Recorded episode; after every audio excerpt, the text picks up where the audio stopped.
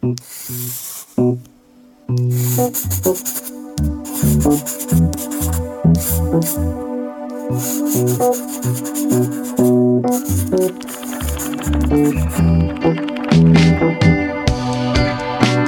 harte welkom bij de Potloodcast. Ik ben Jelly Brouwer en in deze podcast duik ik elke maand in het leven en het brein van een illustrator. En dat doen we aan de hand van vijf beelden door de illustrator zelf uitgekozen. Wie is de persoon achter deze beelden? Een portret in geluid dus van iemand die in beelden denkt. En vandaag is dat Ludwig Volbedaan, die eilanden en verhalen tevoorschijn tovert in ragfijne lijnen. Soms zo fijn en klein dat je het niet redt met het blote oog. Het liefst vult Ludwig niet alleen zijn schetsboeken, maar ook zijn muren met kleine briefjes, tekeningen, schetsen en cartoons. Zijn hele atelier hangt er vol mee. Je kunt eindeloos ronddwalen in zijn wereld. Waarbij hij zijn inspiratie haalt uit literatuur, geschiedenis, landschappen, fotografie, poëzie, scheikunde, maar ook strips. En nu praten we over zijn bronnen en hoe het allemaal begon. Ludwig, um, ontzettend leuk om jou weer te zien. Want ik, ik heb bewaar echt hele goede herinneringen aan de Illustratiebiennale 2018 was het. Uh, dus inmiddels drie jaar geleden. Drie jaar geleden. Ik moet nooit hardop gaan rekenen op de radio. dat is altijd fout. Drie jaar geleden. En uh, jij stal de show, hè, herinner ik me daar in het toneelschuur. Want je had echt een, uh, een, een, prachtige lezing uh, over je werk. En inmiddels is er heel veel gebeurd. Want je blijkt een soort uh, prijsvarken te zijn. Is oh, dat een woord? Oh jee. Jij kan het in elk geval gelijk tekenen. Een prijsvarken. ja, ik ben wel vaak nog verwend, ook ja. na de lezing inderdaad. ja. ja. Laten we even helemaal teruggaan uh, naar het begin. Herinner jij je het moment waarop je waarop het in je hoofd opkwam dat een leven als illustrator mogelijk zou zijn? Ik denk dat die, ik denk dat dat die gedachte een paar keer is opgekomen, maar veel later dan mensen verwachten waarschijnlijk. Want die gedachte kwam sowieso pas na, uh, in me op toen ik al illustratie studeerde. Aan de Sint-Joost in Breda? Joost in Breda, inderdaad. En ook na het afstuderen heb ik ook een moment gehad waarop ik dacht, oh ja, illustrator zijn. Dus dat is uh, een soort gedachte die steeds uh, in de lucht hangt, die ik dan opnieuw moet vastgrijpen, denk ik. En dan ook soms weer van me wegdwaalt en dan weer vastgehouden moet worden of zo. Maar, en wat is dat dan? Um, Want je had ook een bestaan van, wat was het, theoloog of, of filosoof voor ogen? Um, ja, op een gegeven moment ben ik naar de kunstacademie gegaan omdat ik ergens mijn proppenduizen moest halen. Want ik wilde eigenlijk naar de universiteit, maar ik had een havenopleiding. Dus dan kan je niet doorstromen. Ik dacht, nou, wat ga ik dan doen? En tekenen is altijd heel erg belangrijk voor me geweest en wel een soort constante in mijn leven. Dus los van wel of niet illustrator zijn, tekenen, dat, dat bestaat. Dat be bestaat altijd voor me. Toen dacht ik, oké, okay, ik, ik, moet ergens mijn proppenduis halen. Wat is leuk? Um, mijn zus zat al op de kunstacademie, al drie jaar. En die vertelde altijd mooie verhalen tijdens het avondeten. Toen dacht ik, nou, uh, misschien maar naar de kunstacademie. Dan ga ik na een jaartje weer weg. Dan maar... haal ik daar mijn P en dan ja, kan ik naar de Unie. Ja, en uh, ik wilde iets van literatuurwetenschappen of theologie of filosofie gaan doen. Of, of geschiedenis daar had ik ook nog niet echt een keuze in gemaakt. uh, maar het bleek veel te prettig op de academie. En uh, ik dacht, ik denk dat ik hier langer moet blijven. Dus je had het eigenlijk niet voor mogelijk gehouden? Er was een, een, een, kant van kennis of, of boeken, tekst, wat je aandacht trok. Als je het dan hebt over filosofie, theologie. En niet per se kunst of tekenen. En misschien is de, de gemene deler um, het verlangen naar verhaal. Dus uh, bij uh, literatuurwetenschap is dat natuurlijk evident, maar mm-hmm. ook bij filosofie is het misschien het grote verhaal en bij theologie ook, of het mystieke verhaal. Um, en hoe, naarmate ik meer in de gaten kreeg dat het verhaal binnen illustratie een plek kan krijgen, werd illustratie dus ook leuker voor me. En je zei het al, tekenen was er altijd al. Op, op wat voor manier? Um, ik heb altijd uh, uh, wel schriftjes gehad waarin ik tekeningetjes maakte. Dus uh, dingen noteerde als cadeautjes die ik voor mijn verjaardag had gehad. Of samen met mijn neef kampementen, kampen ontwierp. legerkampen bijvoorbeeld. of steden tekenen van boven. Of fictieve kaarten. Dus maar dat, ik weet niet of dat heel opvallend is, want kinderen tekenen altijd. Alleen is op een gegeven moment het punt waarop ze dat tekenen weer verlaten. En dat punt heb ik gewoon niet gehad. Dat heb jij nooit gedaan. Ja. Maar uh, beschrijf eens zo'n uh, kampement. Ik bedoel, hoe ging dat dan samen met je neef? Hoe, hoe kwamen jullie naartoe? Wat, wat waren van tevoren de afspraken? Wat... Um, ja, dat was altijd wel een soort gekke manier van tekenen die je misschien later altijd weer terugzoekt. Maar dat is dat je tekent en tijdens het tekenen ontzettend aan het verzinnen bent en dat het dat een kaart voor je gaat leven en dan ook dus weer een soort verhaal wordt. Dus oké, dan komt hier de ingang, uh, daar komt een uitgang, oké, dan moet hier versterking komen. Uh, dit, hier komen de toiletten, hier komen de douches. um, maar dat, dat klinkt heel droog en sec, maar dat, dat is het echt totaal niet. Het is echt uh, spelend tekenen. Ja, ja. Dus hoe andere kinderen bijvoorbeeld met Lego of met bouwstenen iets uh, tevoorschijn toveren, zo deden jullie dat op papier met z'n tweeën? Uh, ja, dat model bouwen en dingen als Lego en Knex en zo vond ik ook heel interessant, mm -hmm. maar um, ook wel tekenend. Ik denk dat het verschil is met later tekenen en misschien dat, is dat het punt waarop kinderen snel afhaken, is als ze het gevoel gaan krijgen of gaan nadenken over of een tekening goed is of slecht. Um, ik geef heel soms tekenworkshops en je ziet echt zo vanaf een bepaalde fase raken kinderen ontmoedigd omdat ze het lelijk vinden dat ze maken. Ja, ja. ja dat herinner ik me nog. Terwijl, ja, ik kan me dat helemaal niet herinneren dat ik, daar, dat, ik dat, uh, die gedachte ooit had als, als kind. Uh, van uh, is dit goed of slecht wat ik maak? dat is een kwaad dat later pas, als het je beroep is of als je doorgaat met tekenen, pas uh, opduikt, denk ik. In jouw geval dan? Ik denk bij iedereen wel. Bij iedereen die beroepsmatig met tekenen bezig is. Het is echt een soort stem die je de hele tijd weg moet duwen. Um, je hebt, eh, we hebben je, jou uiteraard ook een aantal beelden gevraagd. En er zit een ki kindertekening bij. Daar ben ik een enorme liefhebber van. kun, je, kun je hem zelf beschrijven? Uh, ja, het is uh, um, een zelf getekend boekomslag van het boek Abeltje van Arnhem Gesmit. Hoewel op dit boekomslag staat appeltje. Uh, en er staat bijgeschreven tussen de grens van lucht en ruimte, maar uh, ruimte en lecht staat er. Maar, um, Echt helemaal te gek. ik denk dat ik hem heb gemaakt toen ik zeven was. En hij zat dus in een van die schriften die ik als schetsboek gebruikte. En we zien een groene lift in de lucht. We zien bovenin een soort sterrenhemel. En een, onderin een stad en vliegtuigen. En ja. Jij bent van 1990, dus je zal een jaar of uh, negen zijn geweest of zo toen Abeltje uitkwam?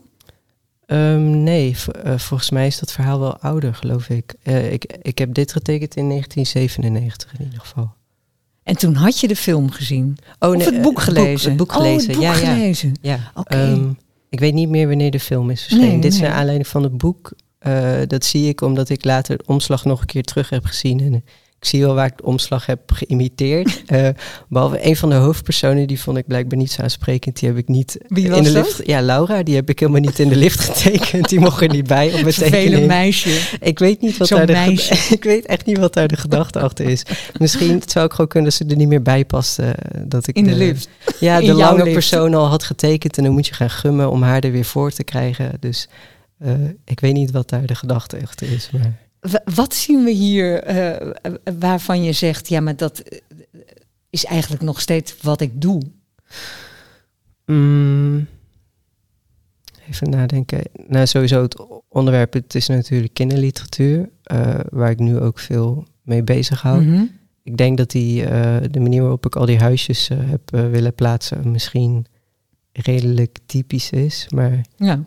Uh, ik zie daar niet zoveel handschriftelijke aanwijzingen van wat ik nu maak. Uh, zie van de latere Ludwig ja, ja, je ziet dat in latere schetsboeken wel, want je ziet dat het werk heel erg krimpt door de jaren heen, maar dat was hier nog niet echt nee. aan orde. En wat bedoel je met dat het krimpt? Uh, de tekeningen worden steeds kleiner en er passen er steeds meer op een vel. Dus bij een, een latere tekening heb ik in de hoek bijvoorbeeld, waar ik eerder naar refereerde, die cadeautjes allemaal in de hoek getekend. En die, die vullen misschien een achtste van de pagina of zo. En dan was de tekening klaar. Oké, de hoek is vol. ik weet niet. Uh, het is heel erg uh, compact geworden. Ja. En wat was dat dan met die, uh, die cadeautjes? Echt heel. Jij, jij was jarig, je kreeg cadeautjes en gingen ze dezelfde dag nog tekenen? Hoe? Ja, ja, het was een soort dagboek. Vanaf welk moment is dat ontstaan? Ik denk ook wel rond mijn zeven of zo. Dus de boeken die ik las, of, of de dingen die er gebeurden, of uh, um, veel proefwerken die ik moest leren, die ik dan uittekende, zeg maar. Hoe dan?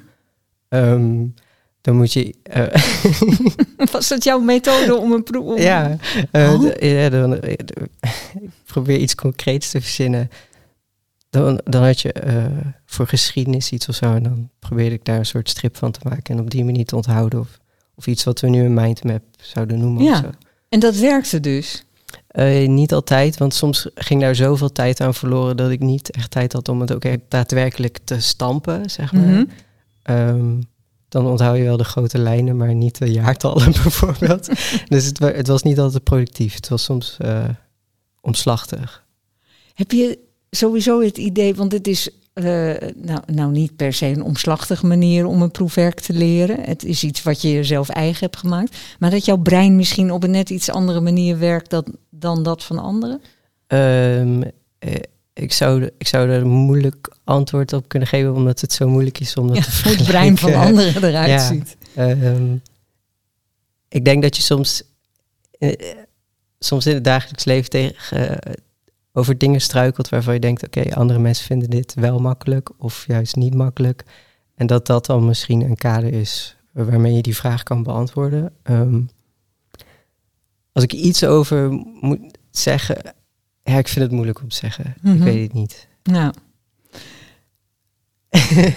het is ook een onmogelijke vraag. Maar iets, ik bedoel, als ik naar jouw tekeningen kijk, dan, dan lijkt het alsof je in, in een uh, brein terechtkomt. Wat, nou, nou ja, dat is natuurlijk ook de reden waarom al die prijzen er zijn. Want het is uniek. Er is iets anders. Iets wat, wat je niet vaak ziet.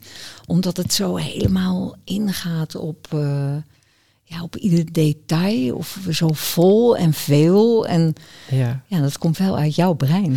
Ja, ik denk dat misschien de moeite die ik heb met die vraag beantwoorden is geeft misschien wel een soort hint, want ik heb wel een verlangen naar volledigheid. Dus als ik die vraag niet volledig kan beantwoorden ja, of ja, niet ja, kan voorbereiden, dan uh, voelt het niet als een goed antwoord. Dus dan doe ik het liever niet. Um, dus er is wel uh, grote mate van detailgerichtheid, denk ja, ik. Ja, nou, dat kun je stellen. Dit is een vraag die, die zou een roman moeten opleveren, denk ik, en niet een, een kort antwoord in nee, een podcast. Ja. Nou, die roman dan maar. dan wachten we dat af. Een andere tekening, we zijn vele jaren verder. Um, ik, ik, ik, vind het echt een prachtige tekening. Vader, moeder, zoon.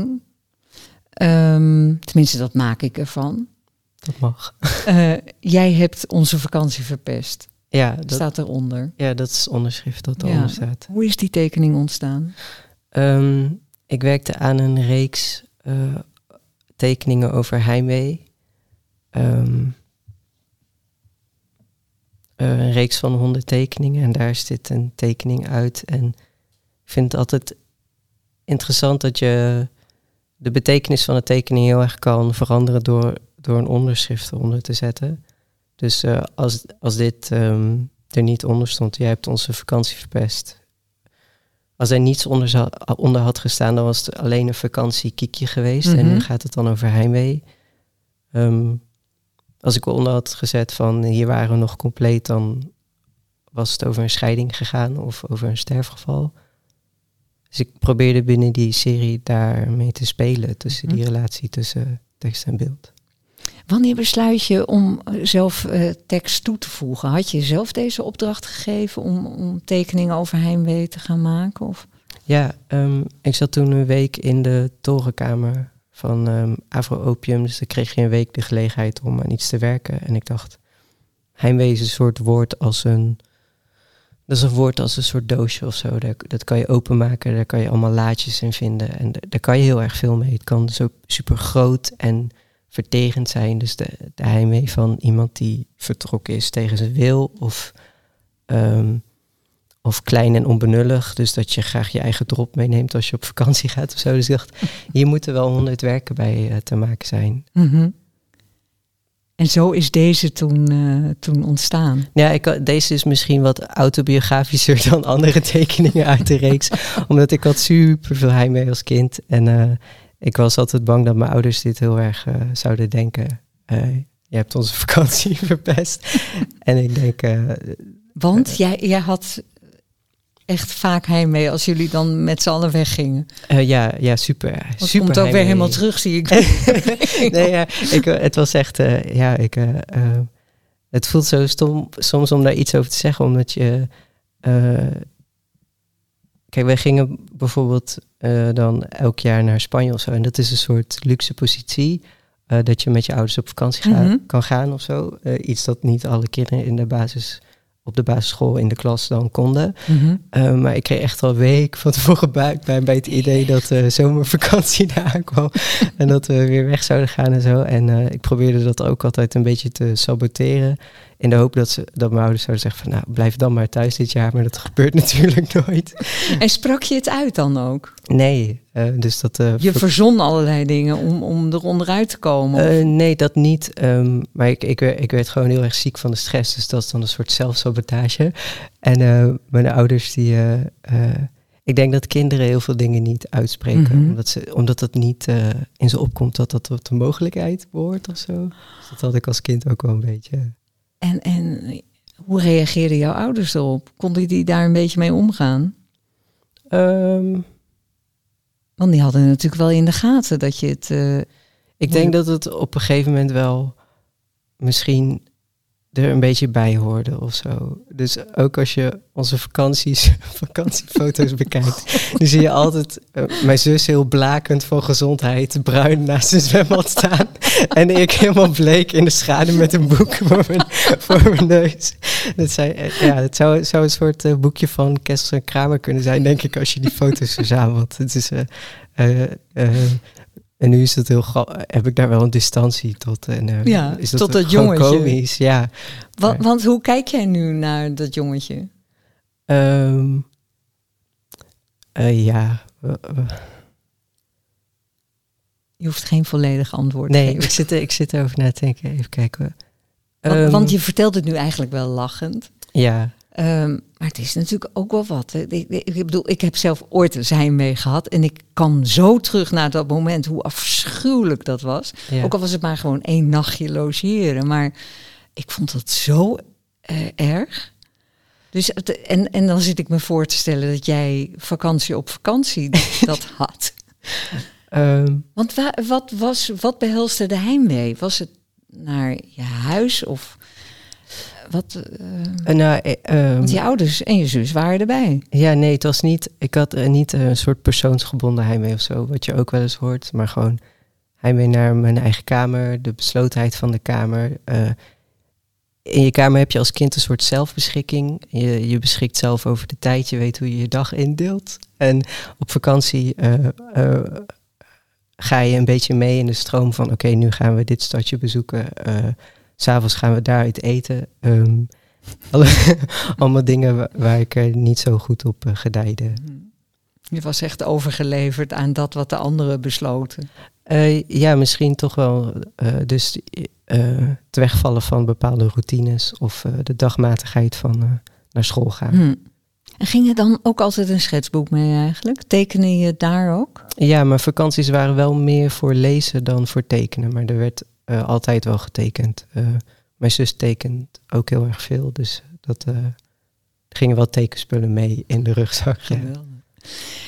Twee andere beelden ehm, waar ik om had gevraagd van tevoren aan jou, van een beeld waarvan je achteraf zegt dat is misschien wel of waarschijnlijk bepalend geweest voor mijn keuze om illustrator te worden.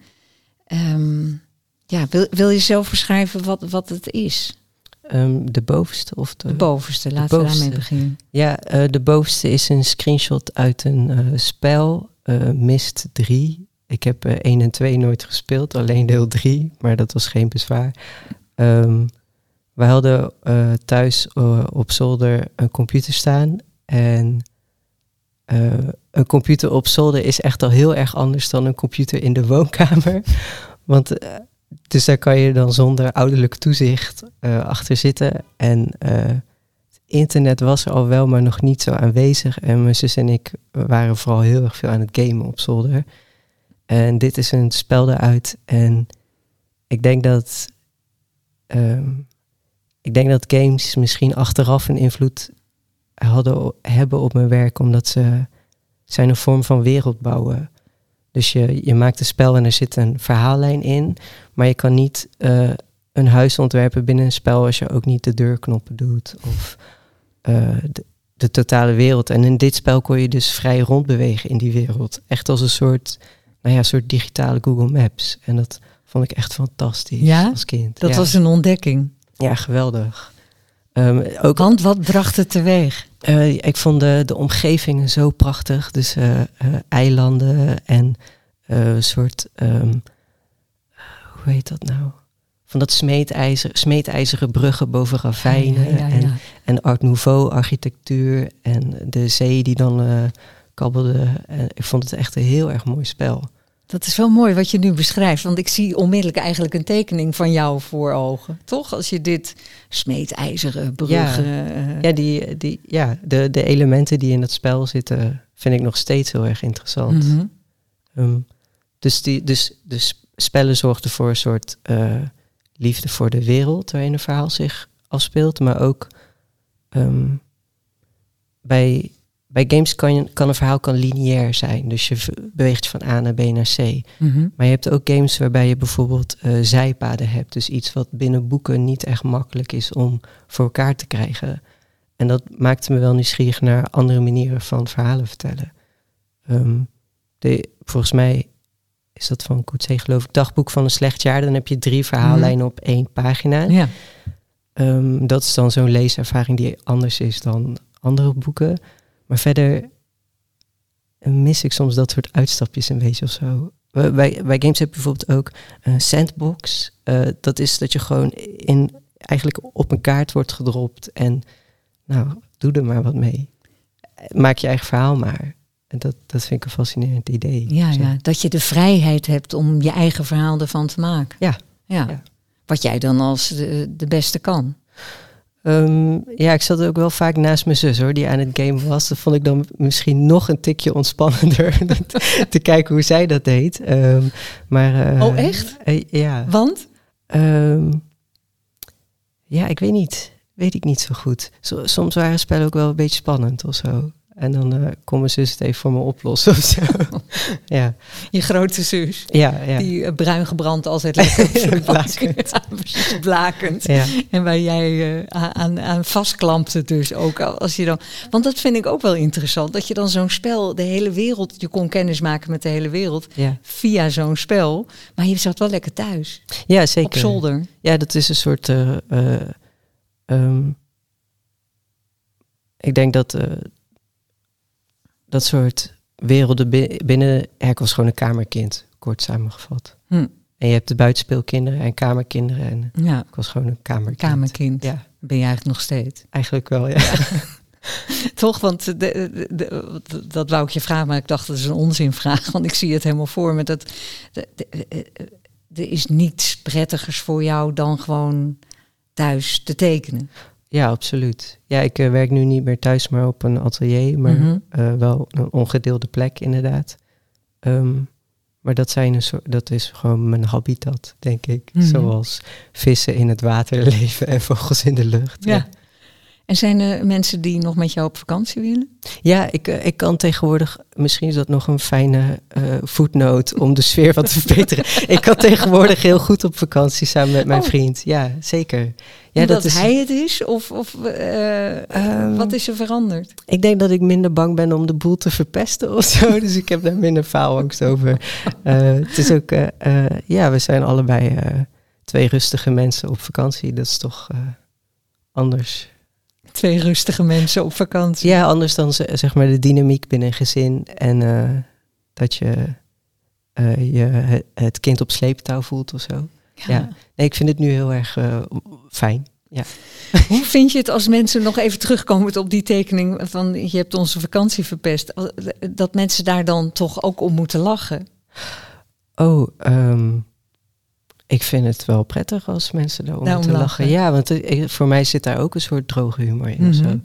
Ehm, de, ni- niets, niets, in het wereld is, niets in de wereld is denk ik eenzijdig. Dus dat wat bitter is, is ook komisch. Ik liet hem aan iemand anders zien en diegene zei: Wie is jij? En voor mij is het zo Oh, duidelijk dat het een jongen is. Maar, eh, eh, eh, maar ik had het helemaal. Had jij ook niet bedacht, toch? Dat het heel iemand anders zou kunnen zijn. Die, dat de vader de vakantie zou hebben verpest of de moeder. Nee, nee, klopt. Nee. Ehm, nog een ander beeld eh, waarvan je zegt, nou, dat zou mij er wel eens toe bewogen kunnen hebben. Dus we hebben de game gehad, Mist.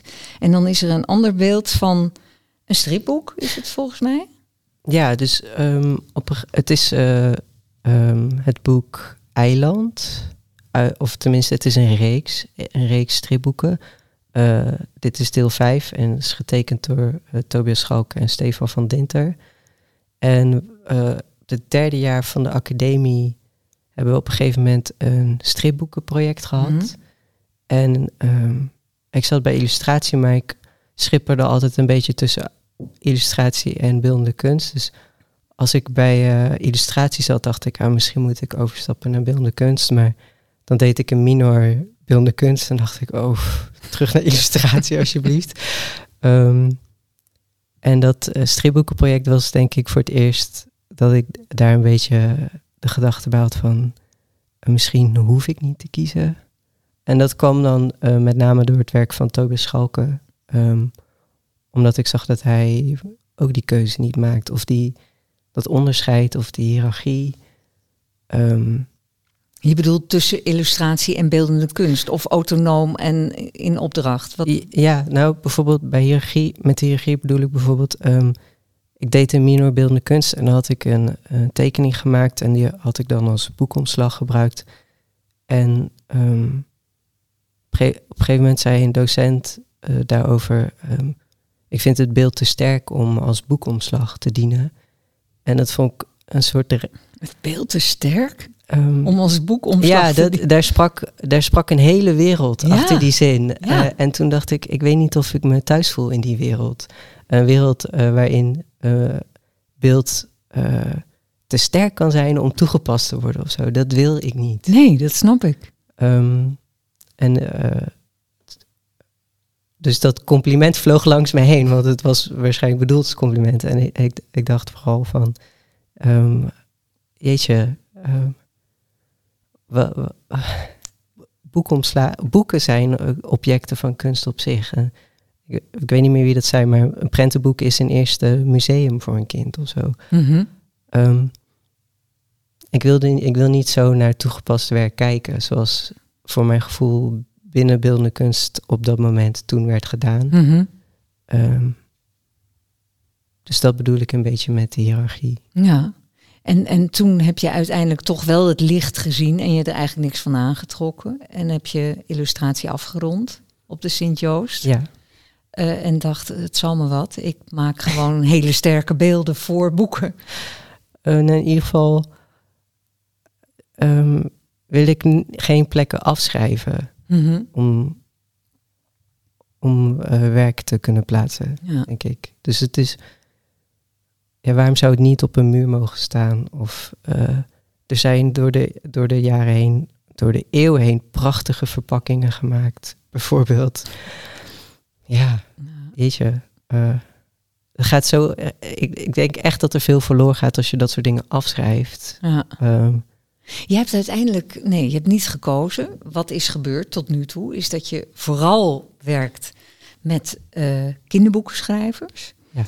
Eh, Benny Lindelauf, eh, maar het begon met Ted van Lieshout, waar je gelijk... eh, nee, het begon met de Benny Lindelauf. oh, daar begon het mee, Ja, ja. ja. En, en Floor Zwichtman natuurlijk. Ehm, is dat iets wat jou is overkomen? Of heb jij ook heel sterk in je achterhoofd wat je net beschreef van een prentenboek is voor een kind het eerste museumbezoek?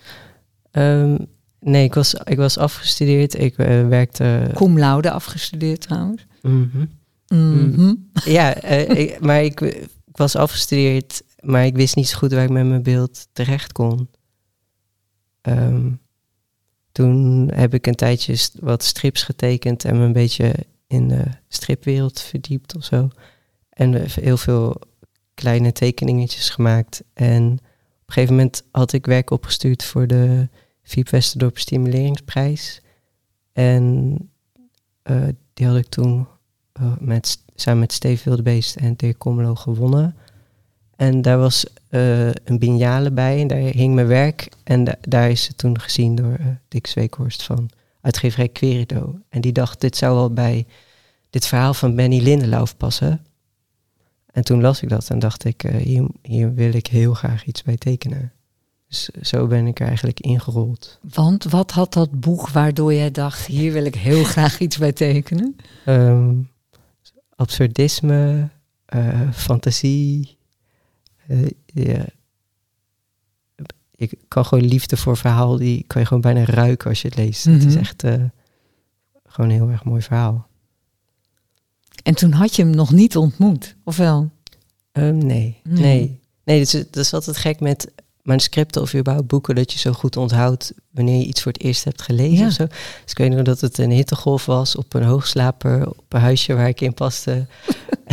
en eh, zo eh, bij zo'n lampje die gemaakt was van een lege colafles, waar zo'n motjes omheen vlogen. en dat ik eh, dat aan het lezen was. En gewoon dat je dan al op dat moment al weet van oké, nu heb ik niet alleen het boek opgeslagen, maar ook dit moment. Dat het een soort capsule is. En ook als ik nu tekeningen terugzie die ik toen heb getekend, dat daar zoveel meer informatie voor mezelf bij is opgeslagen van waar het werk gemaakt is, met wie ik toen was of zo. Dus dat is wel wonderlijk aan verhalen. Dat het eh, dragers zijn, gigantische dragers. Ja. Ja. En, en, eh, eh, en jij gaat dan vervolgens aan het werk. En ehm, af en toe verstop je dingen, codes Oh ja. In, in je werk. Hè? Was dat van het begin af aan al zo eigenlijk? Eh, ja, daar heb ik altijd wel een prettige bezigheid gevonden. Ehm, ja, in dit boek staan ook een paar codes, maar ook een paar eh, verkeerde codes. Dus dat er is- in een van de codes zit een spelfout. En die is door de vertaler gevonden, wat ik echt geweldig vind. Vertel eens. Ehm, ja, eh, er staat iets van. ergens staat het woord deserteur, maar verkeerd gespeld. Dus. Eh, en dat. eh, ja, dat En is me hoe niet is dat dan voor jou als dat, ge- als dat ontdekt wordt?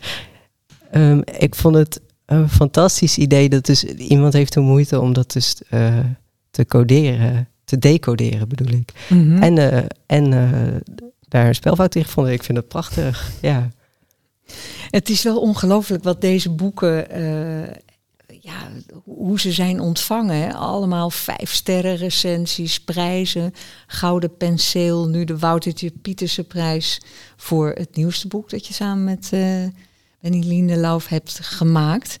Heb, heb je enig idee wat het is waardoor mensen er zo op aanslaan? Ehm, nee, eigenlijk niet. Maar ehm, ik val een beetje stil omdat ik, ik, ik weet het niet. Mhm. En ehm, misschien, eh, ik weet, ik weet ook niet of het iets is waar ik over na zou willen denken als Hm, maker. Liever niet. Omdat het zou, het zou iets kunnen zijn als eh, de getijden of zo. Of misschien juist, of zelfs iets als het weer. Misschien slaat het er weer een keer om en eh, wordt het niet meer op die manier gezien. Maar ik Oh, gewoon maakt niet... er gelijk een somber verhaal Nee, van. oh nee, zo bedoel ik het niet. Maar meer, ehm, eh, ik denk dat ik er gewoon niet over na wil denken. Nee. Omdat ik, ja, so- sorry, ik weet het gewoon Nee, niet. nee, ik vind het eh, heel goed dat je er op die manier naar kijkt. Want ehm, wat, wat ik erover zou willen zeggen is dat het zo. eh, het is zo'n intense sfeer die je weergeeft. Dus nu heb ik het alleen over de illustraties. Hè, van ja, zo'n een, een jongetje dat toch vaak ergens in zijn eentje eh, rondloopt. En, en eigenlijk zie ik de hele tijd toch wel dit jongetje. Grappig. kan dat zo zijn? Ik denk, ja, ik denk het wel. Ehm, Je, het is. ehm, ik denk wel dat het een verlengde is van dat jongetje, Hmm. inderdaad. Of een voortzetting. Ehm, ik wil toch nog aanvullen dat ik het zeker niet negatief bedoelde. Dat over het weer. Ik voel me enorm verwend en, eh, en blij. Ehm, Nee, maar wat ik heel goed begrijp is dat je niet te veel wilt nadenken over eh, waarom het succesvol Ja. is. Want op het moment dat je dat gaat invullen, dan is de lol eraf, denk ik. Ja, ik denk, ik denk dat ik er niet over nadenk, omdat ehm, het is een beetje als het bouwen van een huis. Zeg maar. Mhm. Het plezier van het werken zit in het uitzetten van het grondplat, eh, grondplan en het opzetten van de muren en, en eh, eh, een monster verstoppen op zolder, zeg maar. En Ja. dan, dan is het af en dan is het geweldig als mensen in dat huis willen wonen, als ze, als ze de slingers in willen ophangen, zeg maar. Maar, maar ehm, het bouwen is het, is het hoofdonderdeel van het werk, zeg maar. Dus misschien dat een beetje. Wat, wat, ik, eh, ehm, wat me ook nog weer opviel, is dat je hebt dus eh, tekeningen die echt super vol zijn. En met heel veel details waar je nou makkelijk een uur in zou kunnen doorbrengen in één tekening. Maar dan is er ook eh, die ene tekening met de slagboom. Ehm, oh, die staat trouwens in het andere boek dan ik nu opensla. En, en daar is alleen maar een slagboom te zien. Ehm, maar het is een ongelooflijk beeld. Ja, ik weet eigenlijk niet wat voor Nee. Eh, misschien dat. ehm, ehm, Slagboom bij een spoor, hè, bedoel ik, die dan zo half open staat. En, je moet, eh, je moet soms voor een verhaal verschillende registers gebruiken. Mhm. En soms eh, vraagt een verhaal om, om, om dat drukke register. En eh, soms moet je eh, de kanten daarin vinden. Mhm. En dit is een wat kalmer beeld. En wat meer ingetogen en misschien daarom wat gevoeliger. hm. Kijk. Als je aan mensen die jouw werk totaal niet kennen, of misschien gewoon mensen die blind zijn, zou moeten omschrijven wat jouw werk eh, typeert. Ehm, ik denk dat die de maat van detaillering het eerste opvalt. Mhm. En de, eh, de gevuldheid van de pagina. En het, het verlangen dus naar zijsporen en eh, uitweidingen. En die maat van detaillering, die zie je heel sterk in een ander beeld dat je aanleverde bij ons. Eh, het schetsboek, hè, dat je bijhoudt. Eigenlijk nog steeds jouw Ja. dagboek, toch? Ja. Echt, daar ben ik zo jaloers op. Want wat zien we daar allemaal? Eh, ja, het is, het is een soort, als ik het visueel moet beschrijven, je, een vel met allemaal vakjes. En die vakjes zijn allemaal gevuld met voornamelijk tekst en ook eh, tekeningen. En dat, dat is een beetje van alles. eh, samenvattingen van boeken die ik aan het lezen ben. Of ehm, verhaaltjes die ik verzin of zo. En het is dus een overzicht van alles wat jij tot je neemt. Ja, En wat je bijhoudt. Dus jij bent in staat om bijvoorbeeld van drie, vier jaar geleden dan zo'n schetsboek erbij te pakken. En dan zie je precies wat voor boek je las. en wat ook jouw ervaring daarbij was. Ja, soms, ja, maar soms. eh, je maakt soms ook wel een beetje een soort papieren dubbelganger die op een gegeven moment toch een vreemdeling voor je is. Want je, Een soms- papieren dubbelganger die een vreemdeling voor je is. ja, want je leest het terug en je begrijpt het even niet meer. Dus bijvoorbeeld, eh, ehm, dan lees ik eh, Spin in de Kamer, concurrent in de liefde. Maar ik heb geen idee wat dat betekent. of eh, laatst las ik een keertje terug Rivier op zolder. En ik wist ook niet meer wat daar de, de, de aanleiding van was. of zo, maar heb ik dan wel een beeldverhaal bij gemaakt. En dat beeldverhaal brengt jou dan niet terug naar de oorsprong van die gedachte. Dat weet ik niet meer, nee. Oh, dat is dan wel jammer. Of niet? Of juist niet? Ja, het is ook wel alsof je. Eh, hoe zeg ik dat? Je verrast jezelf er wel op een bepaalde manier mee. Juist omdat je het niet meer begrijpt. Dus dat is ook wel leuk. Wat voor functie hebben die dagboeken voor jou? Ehm, het zijn een soort eh, kraamkamers, denk ik. Dus waar je mm, verschillende dingen kan eh, uitproberen en kijken of ze levensvatbaar zijn of zo. En dat is dan soms zo. Ja, Want welk beeld herinner je dat dat in eerste instantie in dat schetsboek voorkwam en vervolgens in, nou, werk in opdracht terechtkwam bijvoorbeeld? Uh, ja, de, de rivier op zolder was bijvoorbeeld uh, wel een beeldverhaal dat een opdracht was. Um, dus ik wilde een kort, uh, kort verhaal tekenen en ik wist niet zo goed waarover. En toen bladerde ik in dat schetsboek en toen las ik daar in Rivier op Zolder. Toen dacht ik, oh, daar, daar wil ik een verhaal van maken. En het is uiteindelijk een verhaal geworden over een huis in de bossen... waar drie jongens in een te warme zomer uh, in gaan vertoeven. En zij hangen uh, rond bij dat huis en dan vinden ze die rivier die daar op zolder stroomt. En uh, het water stijgt van de rivier. Maar ze krijgen ruzie over of het water wel of niet stijgt een van de jongens ontkent dat. En dan valt die, uh, die groep een beetje uit elkaar. En zo eindigt het verhaal. um, een ander beeld dat je uh, ons uh, hebt laten zien... is een beeld dat je maakte voor omslag van een, van een boek. Um, en dit is dus werk in opdracht. Ja, ja het is voor de Illustrators Annual. Dat is een boek dat uh, jaarlijks verschijnt uh, met uh, veel tekeningen van kinderboekenmakers over, over de wereld heen. En ik wil een soort ode maken aan het kinderboek en aan de nieuwsgierigheid die daaruit spreekt. Dus het is een, een groot hoofd waar allerlei vormen uit het oog verschijnen. En er staat iemand op een laddertje bij die in het oog, bij het oog naar binnen kijkt. En heel gedetailleerd is dit. Uh, wat is de techniek die hier uh, toegepast? Wat?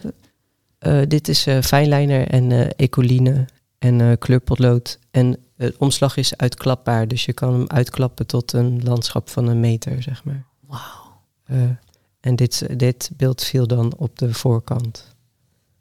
En um, ik, ik heb de neiging om, om lang bezig te zijn met de landschappen. En dan denk ik, oh ja, moet ook nog de figuren tekenen die erin zitten. en ik was echt, uh, ik was daarmee bezig. En toen heb ik dat poppetje, uh, soort archetype kind, als schets zo erop getekend. Toen dacht ik, nee, hij is klaar zo. Eigenlijk is het ja, zo prima. Klaar, niet meer aan zitten. Gewoon een archetype zonder verdere leeftijdsduiding, zonder notie van of het een jong of een meisje is. Gewoon. Baf, kind. Kind, klaar. ja. ja. Behalve die schetsboeken heb je ook nog een fascinatie voor lege muren. Uh, ja, ik werk, ik werk wel graag uh, met uh, een muur waar ik dan heel veel briefjes op plak. Met verhaaltjes of, of, of, foto's of onderzoeken. Ik herinner me dat van de illustratiebiennale. Dat je inderdaad echt foto's liet zien. Zo mooi. Van, want hoe, hoe is de situatie nu in Huizen Volbeda? Um, ik, ik heb sinds een half jaar een atelier buiten de deur uh, was nu toch wel handiger in verband met samenwonen en uh, dat er ook nog andere dingen op de muur moeten kunnen hangen dan briefjes. Hij had het wel gehad met al jouw briefjes en tekeningen. Nee, dat is zeker dat niet. niet. Nee, ik werd heel erg aangemoedigd. Oh. Maar uh, een atelier is wel fijn als je samenwoont. Dus um, daar hangt de muur ook wel weer aardig vol. Ja, met verhaaltjes of gedichten en wat is dat, dat je dat zo om je heen bouwt? Want dat is het eigenlijk, een soort uh, eigen uh, ja, vesting of zo met, met die wereld. Ja, hoe moet ik dat uitleggen? Um, ik denk, nou, je hebt uh, soms, oké, ik voel me soms een soort exter als ik iets lees, bijvoorbeeld. Um, als ik een boek lees of zo, en er kunnen dan bepaalde passages in staan die moeten meegesleept worden naar het nest of zo. en uh, uh, bijvoorbeeld uh, in, in het boek Austerlitz van Sebald mm -hmm. zit, zit het een justitioneel paleis. En dat is in het boek wordt het beschreven als 7000 vierkante meter. En er zitten zalen in zonder deuren. Dus dat zijn zalen die, die zijn, dus gewoon ommuurde ruimte. En dan als ik zoiets lees, denk ik, maar dit is prachtig. Dit is echt mooi. Dit mag niet, wil Verloren ik niet vergeten. Dit, dit, wil ik onthouden. Of, uh, dus dan moet ik dat overschrijven en op mijn muur plakken. Of, dat moet bij mij blijven. Ja, dat is. Uh, en uh, ik denk dat om toch terug te stappen naar kinderboeken. Ik, ik vind dat dat in kinderboeken echt heel vaak gebeurt. Omdat daar een soort. ehm, omdat daar nieuwsgierigheid in wordt aangemoedigd. En er is veel aandacht voor het wonderlijke. Ehm, bijvoorbeeld, Toon Tellige heeft een stukje over een, een heksje dat zo klein is als zo'n wit vlekje op je nagel. Het is ook prachtig. Je kan nooit meer naar zo'n wit vlekje dat iedereen wel eens op zijn nagel heeft. Je kan er nooit meer naar kijken zonder aan zo'n heksje te denken of Van zo. Toon Tellige, ja. Het is eh, dat soort eh, vondsten. En dat hangt dan ook ergens op een muur bij ja, jou. of in een schetsboek of op een muur. ehm, ja, dus dat is een soort extra nest, denk dat, ik. dat, dat blijft bij je. Ehm, ja, ze v- verlangen naar eh, verzamelen en verzinnen. Trouwens, je was wel naar Austerlitz toegegaan om het even in het echt te bekijken. En toen viel het ontzettend tegen, toch? Ja, ja, het was echt eh, eh, ehm, prachtig treurig, zeg Ja. maar. Het, het regende heel hard. eh, En je at een klef broodje Ik- met kaas. ja. Dat onthoud ik dan weer. ja, dat, ja, klopt, ja. Wat grappig. Ja, nee, ja, ehm, we hadden autopech. Eh, eh, mijn vriend is liefhebber van goede koffie. Die vond de koffie helemaal niks. en, en we, Niet waren, lekker daar. we waren uitgeput en, en nat geregend. En dat was... eh, we, we kregen allebei een beetje een slappe lach van de situatie. Ik vond het heel komisch en heel treurig, ja. En die piramide zelf vind ik wel weer interessant, ja. Ik vind het heel mooi en zijn benieuwd. Dankjewel, Ludwig. Dankjewel.